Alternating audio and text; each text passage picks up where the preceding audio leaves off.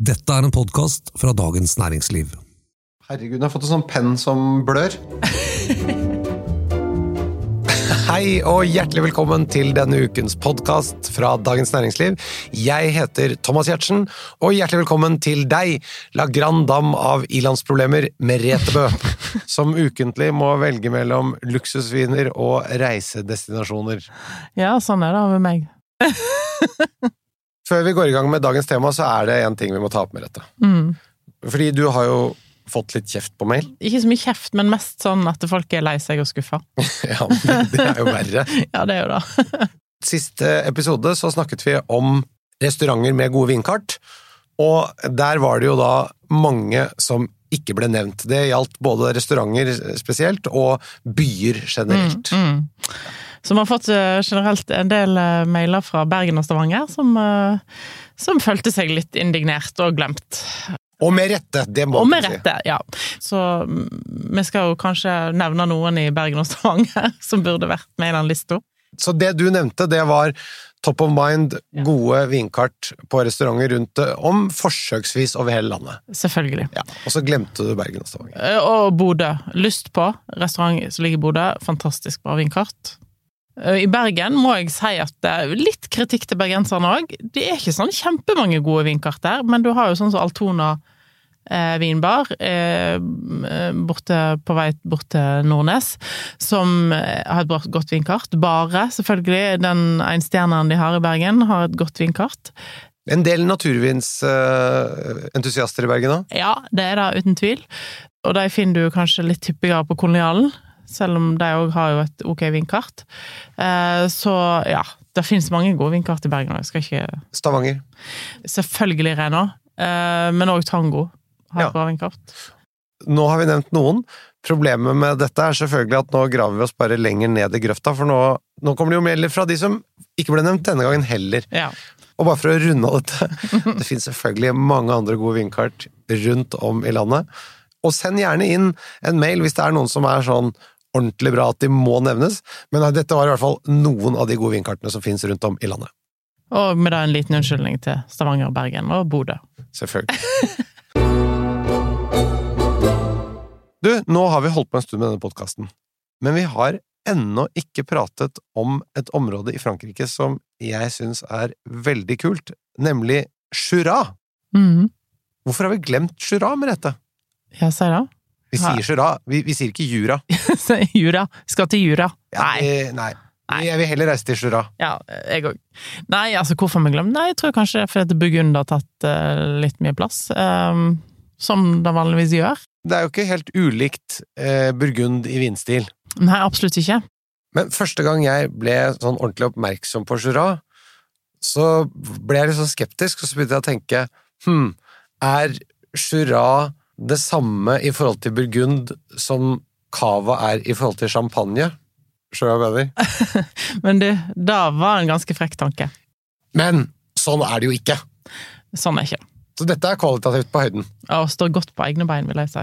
Cava er jo noe som er omfavnet da særlig av sånn forlagsbransjen og litt akademikere og sånn. De kjøper alltid cava, Mm, eh, for de mener det er bedre enn champagne. ja. Eh, Men egentlig bare billigere. det er først og fremst billigere. Men hvis man da kjøper Jura fremfor å kjøpe Burgund Det, det er jo en del sånn hipstere og sånn kjøper eh, Jura. Jeg har hørt mange sånne taler om at eh, dette er det nye Burgund og bla, bla, bla. Altså, de bare forsvarer sitt, sin egen prisbevissthet, da. Og det er jo en helt ærlig sak å velge en vin fordi den er billigere, men ikke si at den er bedre når du Nei. egentlig mener at du skal si at den er billigere. Mm. Bare vær ærlig. Mm. Si 'jeg syns den er veldig god', og så er den heldigvis litt billigere. Det kan man si. Absolutt. Og man, hvis man, men hvis man skal sammenligne, så kan man si 'det er ikke like bra', men det er litt billigere, derfor velger jeg den, og jeg syns det er kjempegodt. Mm.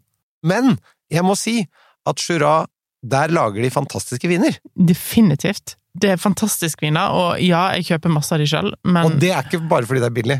nei. Og det var billigere. Det er blitt ganske mye dyrere. Det er, det er jo ikke like dyrt som Burgund, men det er liksom ikke så langt unna. De snakker mye rundt om i forlagene om at cava har blitt dyrt òg. Ja. Snart syns de Prosecco er helt fantastisk, og vel så godt som cava. Men vi kan være enige om det. Jura lager fantastiske viner, og En del av dem kan minne om Burgund, Mm. og en del av dem er veldig annerledes enn det de har i Burgund. Absolutt. Altså, det er jo først og fremst de som er annerledes, som jeg setter stor, stor pris på. Det er veldig matvennlige viner. Jeg tror vi kommer til å se mye høyere priser fra Jura om noen år. I'm Sandra, and I'm just the professional your small business was looking for. But you didn't hire me because you didn't use LinkedIn jobs. LinkedIn has professionals you can't find anywhere else, including those who aren't actively looking for a new job but might be open to the perfect role, like me. In a given month, over 70% of LinkedIn users don't visit other leading job sites. So if you're not looking on LinkedIn, you'll miss out on great candidates like Sandra. Start hiring professionals like a professional. Post your free job on linkedin.com/people today. Men du, kan ikke du si litt om hvor Jura ligger, og hva slags geografiske forhold vi har å gjøre med? Eh, Det ligger øst for Burgund. Ca. en time å kjøre. Samme breddegrad omtrent? Ja, omtrent. Unnskyld at jeg avbryter Ja. deg, men, men det må jo sies at det er jo et knøttlite område. Ja, det er et knøttlite område. Så det, det kan jo ha noe med det å gjøre også, at vi ikke har snakket om det. Fordi de, de har jo ikke den størrelsen og plassen volummessig, men allikevel så kommer de opp der fordi de lager bra viner. Ja, og så har de jo hatt et ganske sånn markant ståsted i Norge, faktisk. Fordi at, eh, fordi at vi i Norge er veldig glad i Burgund, eh, så har liksom importørene tatt eh, Jura veldig seriøst og ganske tidlig. Men hvis en reiser til andre land, så har ikke Jura den plassen eh, i folks bevissthet, da, eh, i vinverdenen. Nei, En, en bok som Winefolly, for eksempel, Mm, eh, som for øvrig er veldig bra, Mm. eh, den har ikke Jura eh, med i boka. Jeg fant den ikke. Nei, og Verdt å vite om vin, en bok som er skrevet av eh, norske Arne Ronald, som er veldig god sånn lærebok. Du, har, du brukte den sikkert når du studerte til Det stemmer. Og Arne Ronald, Norges første master of wine. Stemmer. Den boken der, så er Jura bare nevnt med et lite avsnitt. Den er blitt noen år gammel. Hadde han kommet ut på nytt igjen i dag, så hadde han sikkert hatt et litt større avsnitt. Så tidligere var det altså bare et lite avsnitt som var verdt å vite om Jura, mens nå anslår du at kanskje to avsnitt, kanskje en hel side, Mm. ville være verdt å vite om Jura. Vi her mener at det er enda mer verdt å vite om, og derfor skal vi snakke om det i dag. De mest vanlige druene. Ja, det hovedsakelig to hvite, eller grønne druer, da. Det er chardonnay og savagnin. Savagnin er litt sånn typisk for området. Den er egentlig eh, ja, dyrkes stort sett bare her i Frankrike. Um, mens chardonnay fins jo over hele verden. Det er jo chardonnayen særlig som du kan sammenligne med burgund. eh, som ja, noen kan Hvis du smaker den blindt, så kan du tro at det er en burgund. Og noen ganger så blander de disse Ja, eh, noen ganger så blander de, og da, da står det ofte ikke, kanskje ikke druetype på etiketten engang. Da står det kanskje bare Cotte Jura, blad, eh, og så må du gjette deg til det. Så det kan være en liten sånn utfordring. Du, Hva med rødviner fra Jura? Eh, de har tre røde druer, hovedsakelig, og det er to egne som eh, heter Trousseau og Pulsar. Og så er det Pinot Noir. Og hvis du bare kjøper en Cotte Jura Rouge, så får du ofte en blanding av de tre, altså 33 av hver. Eh, som er ganske sånn klassisk eh, rød Jura. Ok, men i dag så skal vi fokusere på de hvite vinene fra Jura. Mm. Og da er det jo en veldig spesiell vinstil som du får tak i i Jura, som vi også må snakke om. Ja, altså, de har jo en eh, vin som heter Van Som betyr gul vin. gul vin, og er på en måte Frankrikes svar på sherry. En fantastisk vin, syns jeg. Hver gang jeg smaker den, tenker jeg hvorfor drikker jeg ikke dette oftere? Veldig spesiell vinstil, og som er litt krevende å like. Vi skal komme tilbake til den etterpå, tenkte jeg. Mm. Klassifikasjonssystemet, hva bruker de i Jura? Nei, de har jo det overordna appellasjonen Cotte Jura, eh, som du får i Cotteron og sånne ting, så veldig masse havner innunder. det. og så er det jo Van Jean, eh, som er da eh, en egen eh, klassifikasjon eh, med regler som vi skal komme tilbake inn til. Og så har de eh, en del eh, landsbyer som har en egen klassifikasjon. For eksempel det mest berømte er jo uten tvil Arbois, eh, der det står Arbois på etiketten, som da er en DOP. Ja. Det er jo flere som har begynt å skrive sånn enkeltvinmerke på etiketten. Men det er ikke noe Eh, Grand Cru Det er ikke noen. Grand Cru, Premier Cru og sånn. Det står bare da enkeltvinmark. For eksempel produsenter som Tissot eh, gjør det, og eh, ja, eh, Pelikan. Nemlig. I dag, kjære lytter, så handler det altså om hvite viner fra Jura av druene Savagnin og Chardonnay. Og i tillegg Van Shaw. Og Merete, du skal selvfølgelig komme med anbefalinger på de beste kjøpene, som alle ligger i episodeinfoen, så det er ikke noe vits i å notere som vanlig. Vi må starte med å snakke om eh, karakteristikken til Savagnin. ja, det er jo en litt sånn spesiell drue. Ofte hvis det står Savagnin på etiketten, så kan en regne med at eh, vinen er litt sånn oksidativ i stil. Litt utfordrende. Hvis du ser et eple som oksiderer, så blir det brunt og lukter råttent. Her lukter ikke det råttent, men det er litt mer sånn nøtteaktig karakter på den oksideringen. Og det er egentlig en ekstremt god matvin, eh, men det er ikke akkurat noe sånn terrassevin. Du får ikke noe sånn der delikate, flotte fruktaromaer og blomster og sånne ting. Det er ikke det. Men, men eh, det er ikke nødvendigvis oksidativt hvis det er Savagnin? Ikke nødvendigvis, men kanskje pelikan sin er minst oksidativ, ja. Nemlig. Men den har god syre. Veldig god syre. Eh, ikke noe høy alkohol. Den er ganske sånn frisk og mineralsk i stilen. Eh, holder lageret veldig, veldig godt, kan gjøre. Og hva med bruk av fat på disse vinene? Det er fat stort sett på alt. Så det er eik der. Ja. Hva koster disse vinene her, da? En godt produsert Savagnin. De rimeligste kommer nok sikkert fra en produsent som heter Rolé, som ligger på rundt sånn 200-300 kroner. Og så går det opp til Pelikan, som er vel kanskje de dyreste, til, Organeva, som er de dyreste, til sånn 400-500-600. Og Pelikan, det er da burgundprodusenten Angeville, Ja. som har laget et prosjekt i Jura, Mm. som han kalt Pelikan. Mm. De holder jo til i eh, Volnay eh, i Burgund, og Marquis de Angeville har vært der i ja, ikke peiling, sikkert noen hundre år, eh, den familien, og er veldig berømt for sine Volnayer. Og så har de litt Chardonnay-vinmark i Merceau, eh, men de hadde lyst på mer. Og i Burgund så er det en kjensgjerning at vinmarkene er relativt dyre. De fikk ikke tak i mer. De hadde lyst til å lage mer hvitvin. Vinmarkeren deres, eh, Duvier, han eh, var da på tokt i Sjura for å se om det var mulig å kjøpe mark der. Så de kjøpte en eiendom der, og så kalte de han om til eh, Pelikan. Eh, Jeg tror første årgang var sånn ja, 2011-12, noe sånt. Og der lager de jo òg rødvin, da, men de lager stort sett nesten bare hvite. Eh, Og de er jo kanskje de mest bugunske av alle Jura-viner. Det var det jeg skulle si. Det er veldig gode viner. De chardonnayene er ikke så lett å skille fra en burgund. Nei, de er nok de vanskeligste å skille. Også, men de fikk jo Men det som dette har gjort med deres egen hvitvin i Burgund, er at den har blitt enda bedre, da, for de har blitt enda flinkere til å lage hvitvin. Å jøss, hva har skjedd med den, da? Den har blitt freshere, og det har jo alltid vært en god vin, men han har vært litt sånn chubby og rik før, og nå har han blitt litt sånn Altså, hver gang jeg smaker den, hvert eneste år Den er jo ikke så lett å få tak i på polet, men eh, den har uh, virkelig stramma seg opp, da. Hva vil du si er en typisk chardonnay fra Jura? Tissot har vært eh, uansett det viktigste på det norske markedet, og kanskje den viktigste eh, fanebæreren for kvalitetsøkningen. Produsenten til så? Ja, produsenten til så. Eh, I Jura, totalt sett. Han eh, har ca. 30 hektar med vinmark, er forholdsvis stor produsent i eh, Jura, og har da vært kjempeflink til å, å komme med forskjellige vinmarkstyper og ut ifra jordsmonn og, og sånn, så eh, han har vært sånn virkelig tatt eh, hele området med seg egentlig ut i verden. Um, Vil du kalle han en naturvinsprodusent? han er helt sånn på grensa.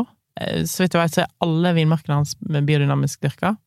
Uh, I hvert fall økologisk. Um, og han har en del viner som er naturviner, vil jeg si, men så ikke, det gjelder ikke alt. Nei, og, og bare for å si det, hvis du som hører på er skeptisk til naturvin, bare glem det. Dette er fantastisk bra viner. Ja.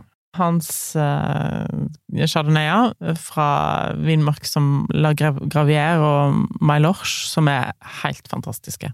Han lagde jo også i 19, så kom jo en vin med 14% alkohol. Jeg tenkte det, det er ikke noe godt. Bare sånn som utgangspunkt. Men hun på polet insisterte på at jeg måtte smake en flaske. Jeg gjorde det Altså, det var ikke i nærheten av å kjenne det. Nei. Nei, men han har jo veldig sånn flott, frisk syrestruktur, og hvis du har konsentrasjon og du har syrestruktur, så tåler vinen lettere 14 enn eh, hvis du ikke har det. Jeg er sånn- helt sikker på at i en blindsmaking så hadde jeg aldri gjetta det. Nei, han har jo faktisk sinnssykt mye vin på polet. Alt fra musserende til, eh, til eh, rødvin til Venchon til, til hvitvin. Jeg tror det er over 20 forskjellige viner du kan bestille fra Tissot. Men det er veldig lite tilgjengelig akkurat da. I en blindsmaking, hvordan skiller du en chardonnay fra Jura fra en chardonnay fra Burgund? Ja. det er ikke så enkelt. Uh, nei, altså ofte så er han uh, fra Burgund litt mer sånn mineralsk. Det er et begrep som er vanskelig å forklare. Men Burgund er ofte litt mer steinete, føler jeg. Litt mer sånn flintaktig, og kanskje litt mer reduktiv. At han lukter litt sånn der uh, svovelaktig. Mens i Jura så er han mer eh, har litt mer nøttete karakter, litt mer moden eh, stil. Eh, Jeg er litt rikere, da. Ja, Også litt mer rustikke, kan jeg si det. Det er jeg helt enig i. Eh, Litt mer sånn bondsk, eh, Ja. på, men på en positiv måte. Det, det gjenspeiler veldig området. Kunne vi sagt at der hvor Burgund kanskje er litt mer floralt, hvor det er litt sånn innslag av blomster og Mm. sånn, så er disse mer eh, Da vil det heller være nøtter og litt modnere epler, selv om de har friskheten og syren, så har de litt gulere epler, kanskje, eller? Ja, absolutt. Og hvis du tenker litt sånn årstid òg. Jeg, føler aldri for å sitte og drikke en Jura midt på sommeren, men når høsten kommer, så er det det eneste jeg har lyst på, liksom. Eh, For det passer liksom høstens mat, altså sopp og ost og eh, den grønnsaksretta sånn passer veldig godt. Mens eh, burgund er kanskje litt mer sånn på sommeren og våren og ja. Hvordan er det med eikebrukene? Den kan av og til ta litt av, syns jeg, hvis jeg skal være litt kritisk. Kanskje til så av at jeg har hatt litt mye eik på sine viner, men de takler det. Det er ikke ufint med eik, men den er ganske markant. Du, eh, du, du er ikke i tvil om at den vinen har vært på eik.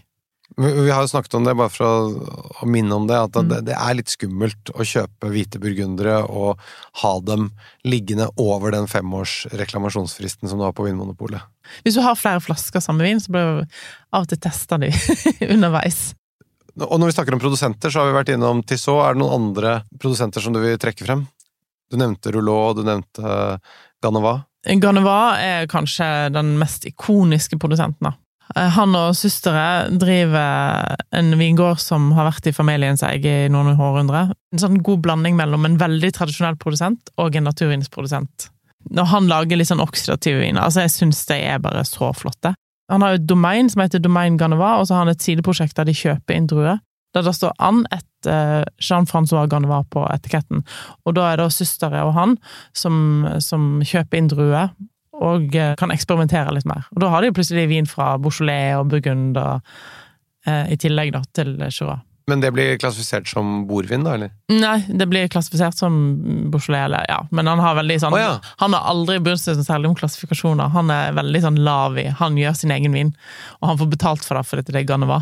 Men, Så, eh, og så blir det klassifisert som det det blir Ja, klassifisert for, som, men han bryr seg ikke. Nei. Og etikettene der er jo veldig spesielle. Det er liksom Det er mer et kunstverk enn en tradisjonell etikett, da. Men du, flere produsenter. Rolé, som har da til og med eh, vin i basissortimentet på polet. Det var fire søsken som drev det, de var alle i sånn 60-70-årene, så de har solgt det ut. Men um, de lager fortsatt samme type vin og sånn, så de, de kommer nok til å holde på den.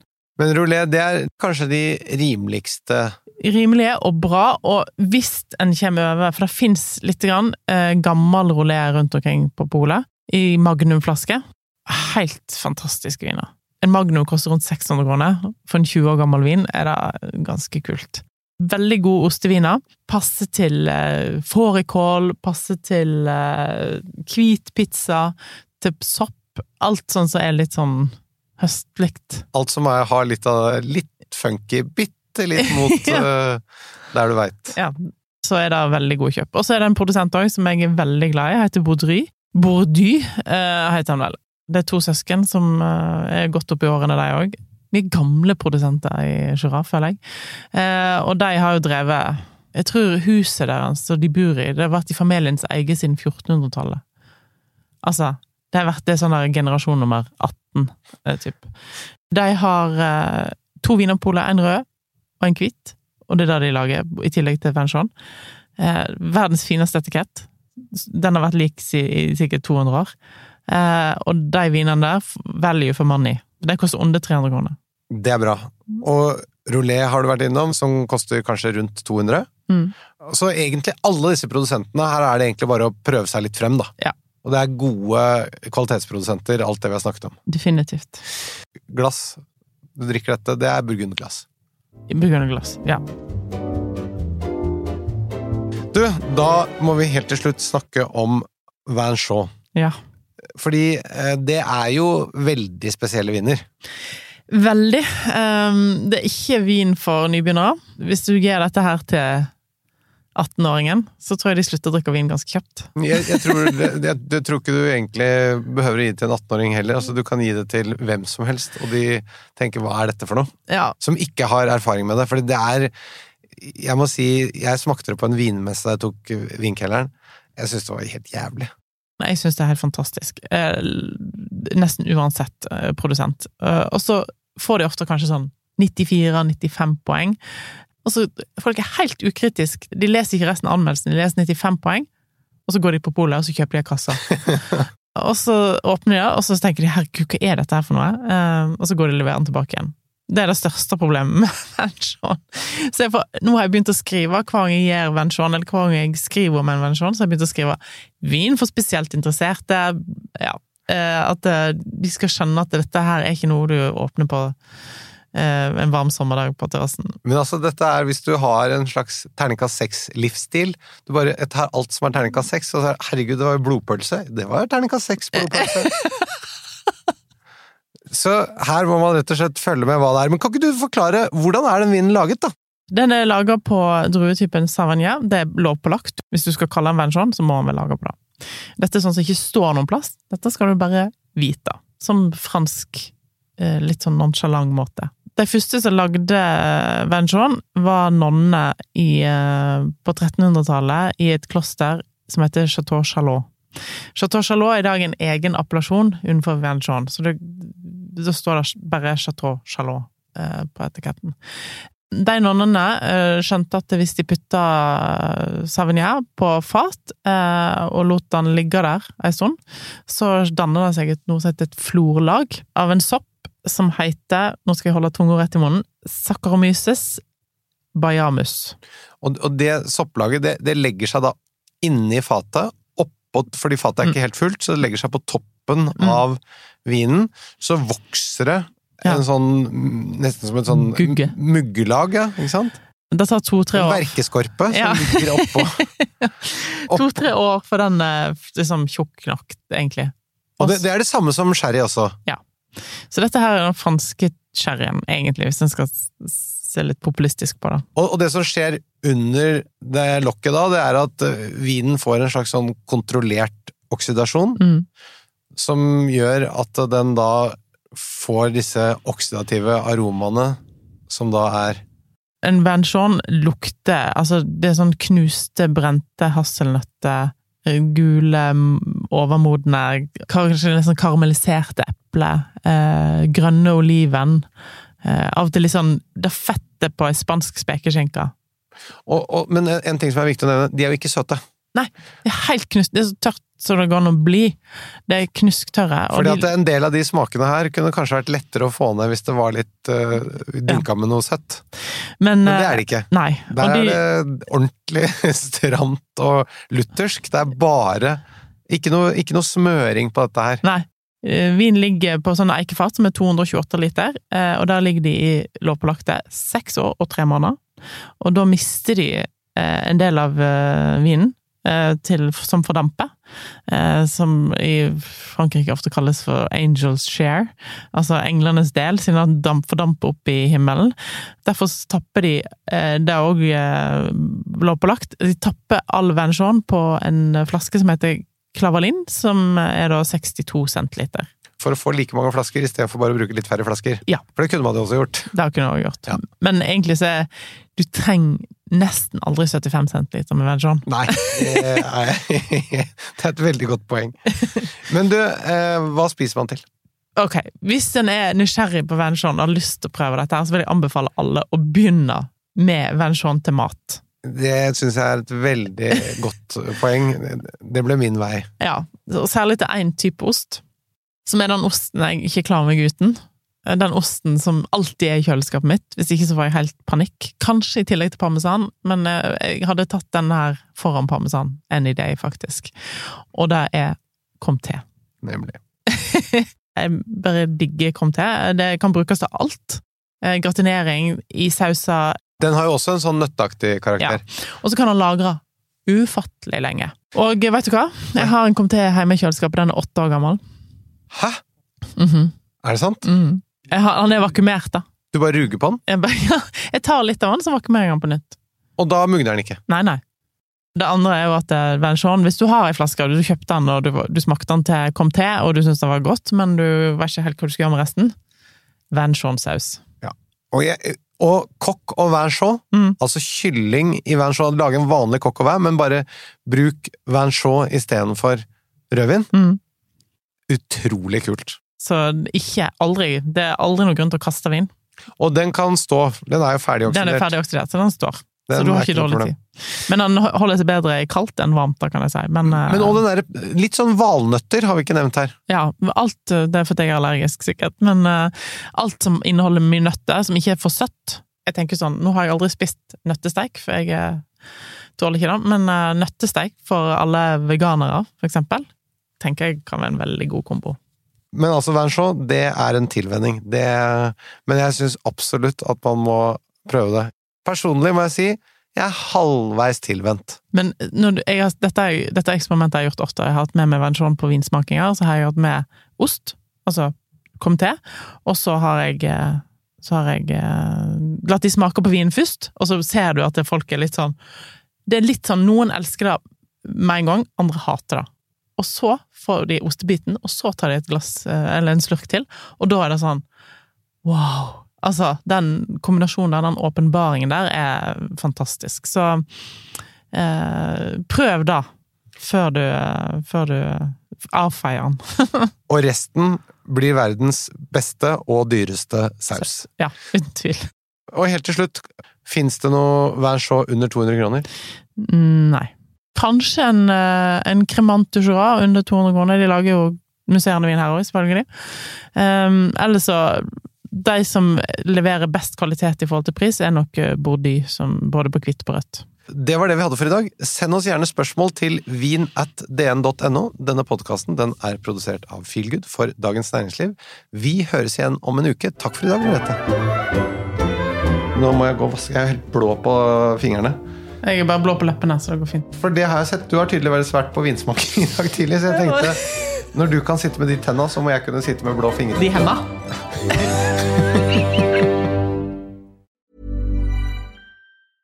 Mom deserves the best, and there's no better place to shop for Mother's Day than Whole Foods Market. They're your destination for unbeatable savings, from premium gifts to show-stopping flowers and irresistible desserts. Start by saving 33% with Prime on all body care and candles. Then get a 15-stem bunch of tulips for just $9.99 each with Prime. Round out Mom's menu with festive rosé, irresistible berry chantilly cake, and more special treats. Come celebrate Mother's Day at Whole Foods Market.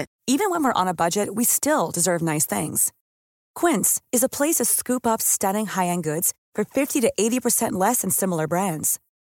They have buttery soft cashmere sweaters starting at $50, luxurious Italian leather bags, and so much more. Plus, Quince only works with factories that use safe, ethical, and responsible manufacturing. Get the high-end goods you'll love without the high price tag with Quince.